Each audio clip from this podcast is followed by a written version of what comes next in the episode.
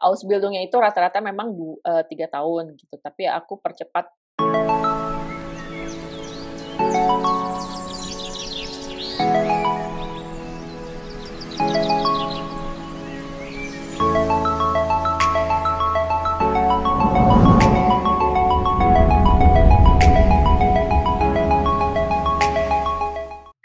Assalamualaikum teman-teman semuanya. Selamat datang lagi di channel Nelma Dan.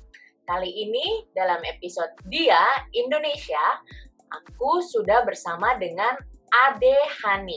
Ade Hani ini adalah diaspora Indonesia yang bekerja di Jerman dan um, karena di episode sebelumnya aku sudah membahas seputar Ausbildung, kali ini aku langsung mau uh, dengerin ceritanya dari pelaku Ausbildung.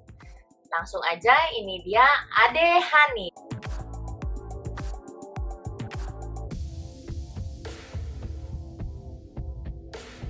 Halo. Halo. Ade Hani terima kasih ya udah mau ngobrol-ngobrol. Sama-sama. Ade Hani ceritain dong. Jadi um, Ade Hani ini asalnya dari mana? Asalnya dari Jakarta.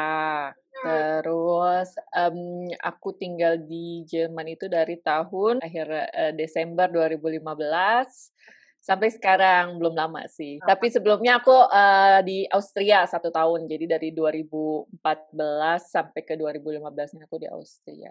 Sekarang Adehani ini uh, kerja di mana? Kerja di hotel di München. Di München ya? Iya. Adehani kemarin itu jadi kan uh, yang aku dapat informasinya kalau misalnya di Jerman kita mau kerja apa pun itu kita harus melewati proses Ausbildung dulu gitu ya belajar. Betul betul betul aku juga uh, dulu Ausbildung dulu. Uh, jadi aku di Indonesia-nya udah S1 gitu kan, udah bachelor. Pas mau kerja kan nggak bisa langsung kerja gitu. Ausbildung itu uh, vocational uh, training, uh, vocational school gitulah di mana uh, kita sekolah juga, terus di training sambil kerja juga, yang mana lulusannya bisa langsung kerja di Jerman gitu istilahnya. Kalau dulu masih banyak uh, peluangnya untuk untuk kerja di hotel gitu ya masih sebagai positif list gitu lah yang mana orang Jerman itu um, sedikit masih sedikit uh, peminatnya. Tapi sekarang kalau ngecek-ngecek di uh, kedubes atau di Bundesarbeitsagentur gitu kan di situ udah nggak ada uh, list untuk hotel Fachfrau hotel hotel Fachmann gitu. Jadi uh, yang mana memang orang-orang uh, Jerman juga udah udah banyak yang kerja di hotel. Gastronomi kebanyakan uh, orang asing gitu. Uh, sebenarnya uh, iya tapi base untuk bagian mana dulu gitu. Um, gastronomi itu kan ada juga yang uh, restoran, restoran Fach gitu. Dan di restoran Fach itu memang banyak uh, orang asing gitu ya istilahnya. Karena uh, dulu aku pas uh, Ausbildung di sekolah juga uh, karena kita tahun pertama atau tahun kedua memang masih dicampur sama hotel Fach dan re, uh, restoran Fach karena masih um, cangkupannya masih uh, masih general gitu lah. Dan terus uh, memang banyak orang asingnya gitu karena orang asing kan yang penting kan gaji gede gitu kan gaji gede duit dari mana selain dari tip gitu kan. Sedangkan kalau kerja di restoran kan tipnya gede. Ausbildungnya itu rata-rata memang tiga uh, tahun gitu tapi aku percepat uh, setengah tahun jadi dua setengah tahun. Yang dipelajarin waktu Ausbildung itu apa sih? Soal makanan gitu kan uh, memang banyak banget soal uh, makanan soal minuman gitu wine soal bir uh, alkohol, terus udah gitu kita juga belajar soal uh, housekeeping, terus soal manajemen uh, hotel juga gitu. Terus kalau misalkan kita di housekeeping bikin uh, schedule gitu kan, gimana ngitungnya. Aku di tahun pertama aku cuma tiga bulan uh, masuk di tahun pertama. Dipersingkat, aku nggak tiga tahun jadi dua setengah tahun.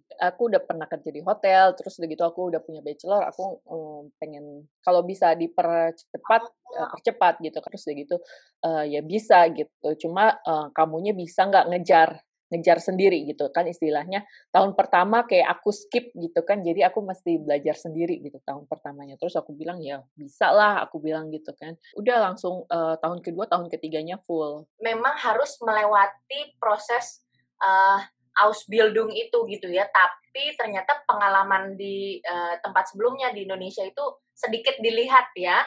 Iya sedikit dilihat. Jadi uh, sebenarnya bisa saya bilang saya saya mampu gitu karena kan kalau di sini kan kembali ke anaknya gitu kan kamu yakin nggak bisa gitu ngejar ketinggalan gitu kalau kamu merasa bisa ngejar ketinggalan ya udah skip aja gitu kan terus uh, kalau merasa nggak bisa ya udah tetap ambil full gitu tiga tahun ya aku kan dulu udah 25 tahun gitu kan istilahnya. Aku bilang ya ampun kapan gue kawin? gitu kan. Kalau misalkan belajar lagi belajar lagi gue gak kawin kawin ini sih gitu kan. Setelah Ausbildung langsung uh, dapat kerja di tempat di hotel yang sekarang ini?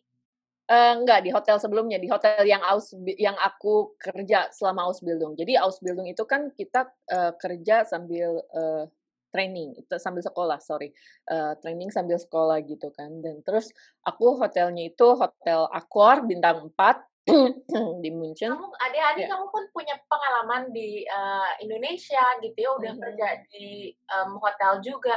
Kenapa kamu mau ngulang untuk ini Ausbildung lagi dan pindah ke Jerman? Karena uh, dulu nggak bahagia di Indonesia. apanya? Maksudnya di luar pekerjaan atau pekerjaan? Karena gue ditinggal kawin, Kak. Lo tau gak?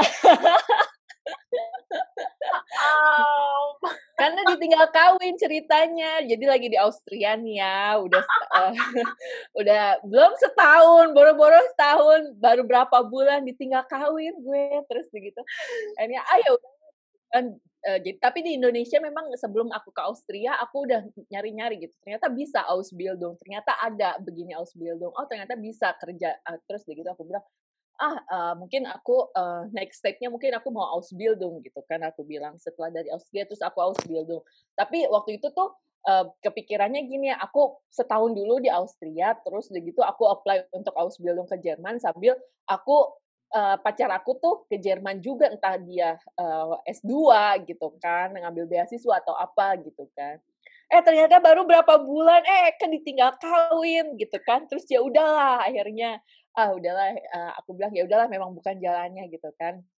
Ya udah akhirnya uh, udah ke Jerman gitu. Jadi aku bilang ya udahlah ke ngikutin plan awal gitu. Bahwa aku habis dari Austria aku ke Jerman gitu. Terus begitu ya udah uh, karena dulu kepengennya kan gini pengen kerja dulu gitu pengen sekolah lagi gitu. Terus ke, cita-citanya dulu kan pengen sekolah di Jerman gitu kan. Tapi kan keluarga nggak uh, nggak merestui lah istilahnya gitu. Karena dulu uh, bokap kan kerja uh, di perusahaan uh, Jepang gitu kan. Terus dia maunya uh, aku kerja juga aku uh, kerja juga di di Jepang gitu kan. Dan terus dia kepengen aku belajar bahasa Jepang sedangkan aku dari uh, SMA itu aku belajar bahasa Jepang tuh emang bener-bener nggak masuk otak gitu kan dan terus aku bilang aku nggak mau bahasa Jepang aku mau ke Jerman. Aku bilang itu aku nggak mau ke Jepang aku mau ke Jerman. Gitu jadi ya udah jadinya ya udah begitulah tapi ya udah bersyukur juga sih awalnya nggak direstuin sekarang direstuin sih. Ah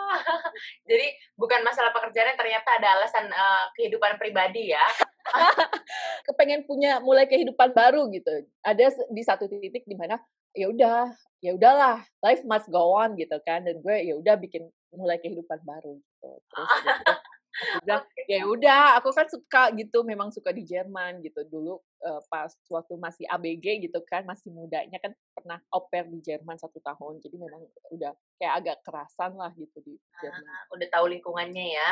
Benar. Nah, um, Anda ini sekarang kalau boleh tahu uh, posisinya di mana? Di departemen apa di hotel? Aku di FO, di front di office. Waktu di hmm. Indonesia juga? Enggak, aku di Indonesia mah aku sales. Oh, Oke. Okay. Nah, ala-ala ala-ala jualan gitu pakai high heels, terus udah gitu sosokan. Iya, aku ada uh, ada appointment makan siang dengan ke uh, departemen ini, departemen itu. Padahal mah ternyata kita ke uh, nge-mall gitu kan. Tapi sekarang mah udah kerja bener sih meskipun banyak gaputnya. um, tapi kan sudah di lingkungan yang sama di hotel ya. Perbedaan apa budaya kerjanya seperti apa sih? Di Indonesia sama di Jerman? Hmm, sebenarnya kalau di Indonesia lebih apa ya, lebih uh, ah nyantai gitu. Kalau di sini kan benar-benar yang ayo mesti begini, mesti begini, mesti begini.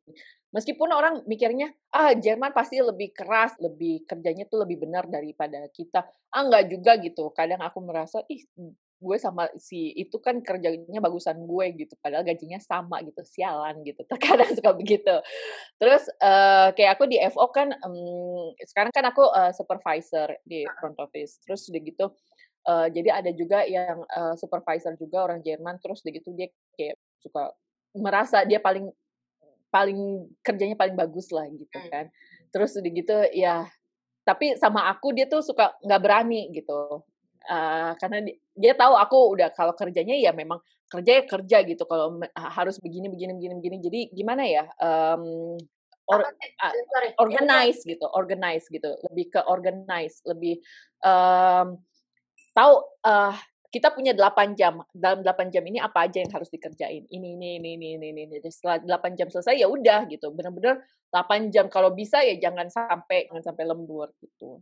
Kalau di sini kalau di Indonesia kan kerja, apa istirahat satu jam gitu kan. Kalau di sini istirahat setengah jam gitu. Jadi yang benar-benar makan mesti buru-buru gitu kan. Habis itu oh, kerja lagi gitu. Dan terus enaknya kalau di sini um, orang tuh nggak orang tuh nggak kepengen lembur gitu pengen buru-buru kelar aja kerjaan tuh habis itu buru-buru pulang apalagi ke, kayak ada Hani gitu kan aduh udah nggak nggak mau deh lembur mesti tenggo nih jam 11 udah mesti dibayar, udah kan? mesti ganti baju Hah? dibayar kan lembur Uh, tergantung ada yang lem, ada yang lembur dibayar, ada yang enggak kayak kalau aku uh, di hotel aku itu enggak dibayar tapi uh, kita dapat libur ekstra. Misalnya aku udah aku udah lembur 10 jam gitu langsung dipotong 8 jam hilang uh, apa uh, ekstra um, ekstra jamnya aku uh, diganti hari libur gitu. Jam kerja itu dihitung mm -hmm. kita gajinya itu dihitung per jam mm. juga ya? Atau ya, satu bulan pasti Dihitungnya per jam sih kalau tergantung sih kalau uh, kalau aku karena udah punya kontrak jadi langsung sebulan sekian gitu kan. Ah. Dalam sebulan um, gaji aku sekian tapi ada juga kayak misalnya uh, mini job uh, kerja sampingan. Dia itu 450 basic gitu kan. Uh, basicnya 450 euro maksimal gitu dan terus dia tuh dihitungannya kayak per jam gitu. Sejamnya itu cuma 11 euro misalnya. Terus dalam satu bulan dia cuma dibutuhin kayak cuma empat kali gitu maksimal. Terus dia gitu satu kali 11 euro kali uh, 8 jam misalnya kali 8 jam kan udah 80 euro gitu aku cerita sedikit ya teman-teman kalau hmm. misalnya di UK juga kalau kita bekerja itu dihitungnya per jam apa pun itu kerjanya. Ternyata di Jerman juga berlaku seperti itu ya. Kalau misalnya di Indonesia kan uh, kalau kita dapat kontrak misalnya gaji sekian, kok di situ hanya tertulis um, kerjanya 30 uh, 20 hari let's say gitu kan. Kalau aku di, ada tulisannya uh, 39 jam per minggu gitu. Ya, kalau di Jerman. Di sini. Ya. Ya, kalau di Jerman seperti itu. Tapi kalau di Indonesia kan enggak di, dihitungnya kan per hari. Misalnya yeah. uh, gaji sekian untuk uh, satu bulan kerja itu misalnya berapa hari? 20 hari, 25 hari gitu. Jadi memang semuanya itu dihitungnya per jam. Untuk jam kerjanya sendiri gimana dia nih? Oh, ini shift-shiftan? Uh, shift-shiftan. Terus satu berapa, uh, eh, satu satu shift berapa jam? Satu shift uh, 8 jam. Satu shift 8 jam. 8 jam 8 jam setengah sih, 8 jam setengah sama istirahat 30 menit gitu. Uh, dan terus ya yang soal uh, apa uh, dihitungnya per jam itu biasanya kalau dia um, mini job atau ex apa kerja sampingan gitu. Kalau kerja sampingan di Jerman juga memang dihitungnya uh, per jam karena dulu pas aku lagi Ausbildung aku juga punya kerja sampingan gitu kan. Kayak babysitting. sorry, di ho di hotel. Enggak, di di oh, tempat oh, lain gitu. Oke. Okay. Di luar kayak aku uh, pas lagi karena uh, Munchen kan mahal gitu ya. Terus gitu jadi uh, aku punya uh, kerja sampingan tuh banyak gitu kayak mandiin aku uh, seminggu dua kali tuh aku mandiin orang cacat gitu kan. Kadang seminggu sekali uh, sebulan ada satu atau dua kali aku uh, jagain uh, anak gitu kan. Terus uh, aku juga sempat uh, kerja di uh, apa di hotel lain sebagai uh, apa kerja sampingan gitu untuk bantuin breakfast sama jadi kalau misalnya mereka tahu-tahu breakfast punya uh, ada 200 orang gitu mereka butuh tambahan gitu butuh tambahan orang dari luar gitu. Dan terus mereka uh, kontak um, company ini terus aku apply-nya ke company ini gitu. Jadi aku uh, sebagai freelance gitu. Jadi kayak uh, kerja sampingannya gitu. Jadi aku punya kontrak sama si company ini. Company ini bilang bilang kamu bisa nggak hari ini jam segini sampai jam segini kita ada uh, ada permintaan gitu di hotel ini untuk breakfast atau di hotel ini untuk bangkit gitu. Jadi aku bilang ya kalau pas sih ya aku terkadang suka ambil gitu. Kadang malahan aku kalau di hotel gitu kan aku suka ada uh, gitu kan mulai jam 2 gitu. Kadang aku paginya aku di hotel lain dulu kerja uh, frustuk gitu, kerja di breakfastnya. Itu boleh ya nih kerja di hotel meskipun berbeda divisi gitu. Berbe apa? Uh, jadi dua hotel yang berbeda gitu. Karena aku kan uh, jatuhnya bukan kerja di hotelnya tapi aku kerja sama si uh, company ini yang uh, yang ngirim-ngirim tenaga bantuan. Oh, gitu. itu. dan terus apa? aku nggak aku kerjanya nggak di satu agency benar kayak agency gitu. Dan aku kerjanya nggak satu uh, grup sama hotel aku gitu. Terus kita memang kalau pas lagi Ausbildung ada maksimal uh, boleh ngambil kerja sampingan itu per minggu 10 jam. Ada nih untuk jenjang karirnya seperti apa sih kita dari Indonesia meskipun lulusan Ausbildung gitu? Ada hmm. diskriminasi nggak? Ada sih awalnya oh, juga ya? aku ya aku juga pasti ngerasa um, kayak uh, di hotel itu bagian atas-atasnya itu pasti orang Jerman semua. Ah, untuk jenjang karirnya gimana? Untuk kita? Ada kemudahan atau malah lebih sulit? Uh, ya kembali ke kitanya lagi sih gitu. Kalau aku sebenarnya tadinya itu plannya itu aku cuma mau satu tahun di tempat kerja aku gitu kan. Hmm. Tadinya itu sebenarnya awal tahun ini aku udah mau pindah ke hotel lain gitu. Terus udah gitu karena uh, apa uh, front office manager aku bilang aku bilang ke dia aku bilang aku nggak mau kerja sebagai uh, supervisor terus terusan terus dia bilang ya udah kalau kamu mau pindah ke hotel lain uh, hotel ini lagi buka lowongan gitu sebagai assistant manager gitu assistant manager front office. Tapi memang agak jauh gitu letaknya nggak nggak di tengah kota gitu. Terus udah gitu aku bilang dia bilang kalau mau coba coba aja ini emailnya gitu kan. Terus dari gitu aku bilang ya oke okay lah aku mau coba gitu kan. Eh datang corona. Terus ya udahlah bubar jalan gitu kan. Ya udah terus hotel-hotel pada tutup dari bulan uh, dari akhir Maret dari akhir Maret sampai Agustus malahan kemarin itu hotel aku tutup sampai awal September. Baru ini mulai buka lagi gitu. Nah ini soal uh, apa namanya soal pekerjaan tadi menarik banget ya ternyata malah dikasih jalan ya, bukan dikasih malah, jalan, uh, bukan malah yeah. harus stay gitu, tapi mereka justru mengarahkan itu yeah. uh, bagus banget dibiarin tiap individunya untuk berkembang gitu, apalagi mereka lihat kalau kita punya kemampuan di di support ya. Benar.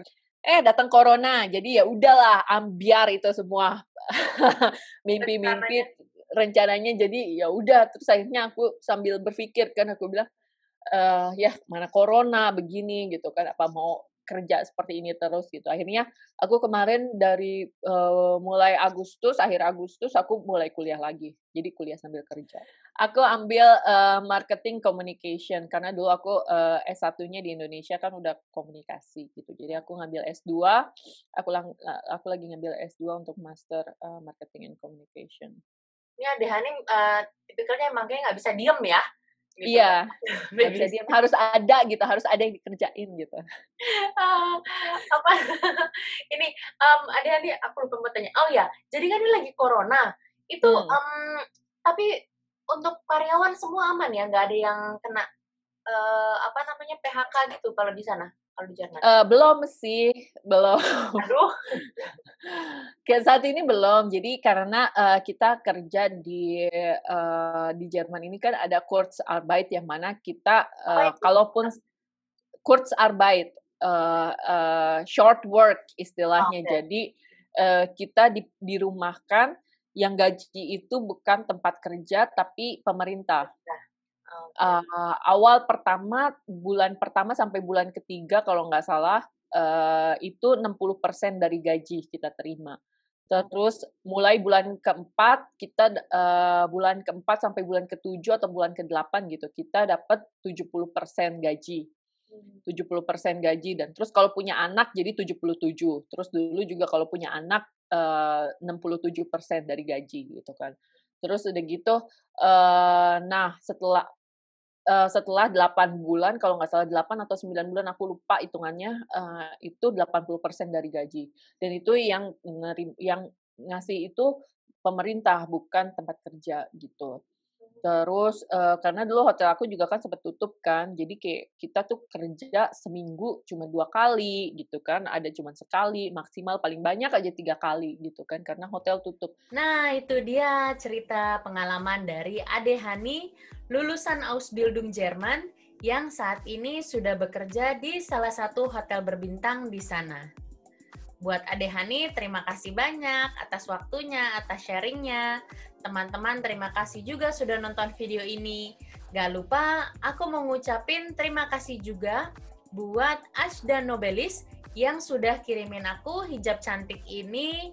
Warnanya cantik-cantik, bahannya adem banget, gak gampang kusut, dan ini enak banget dipakainya.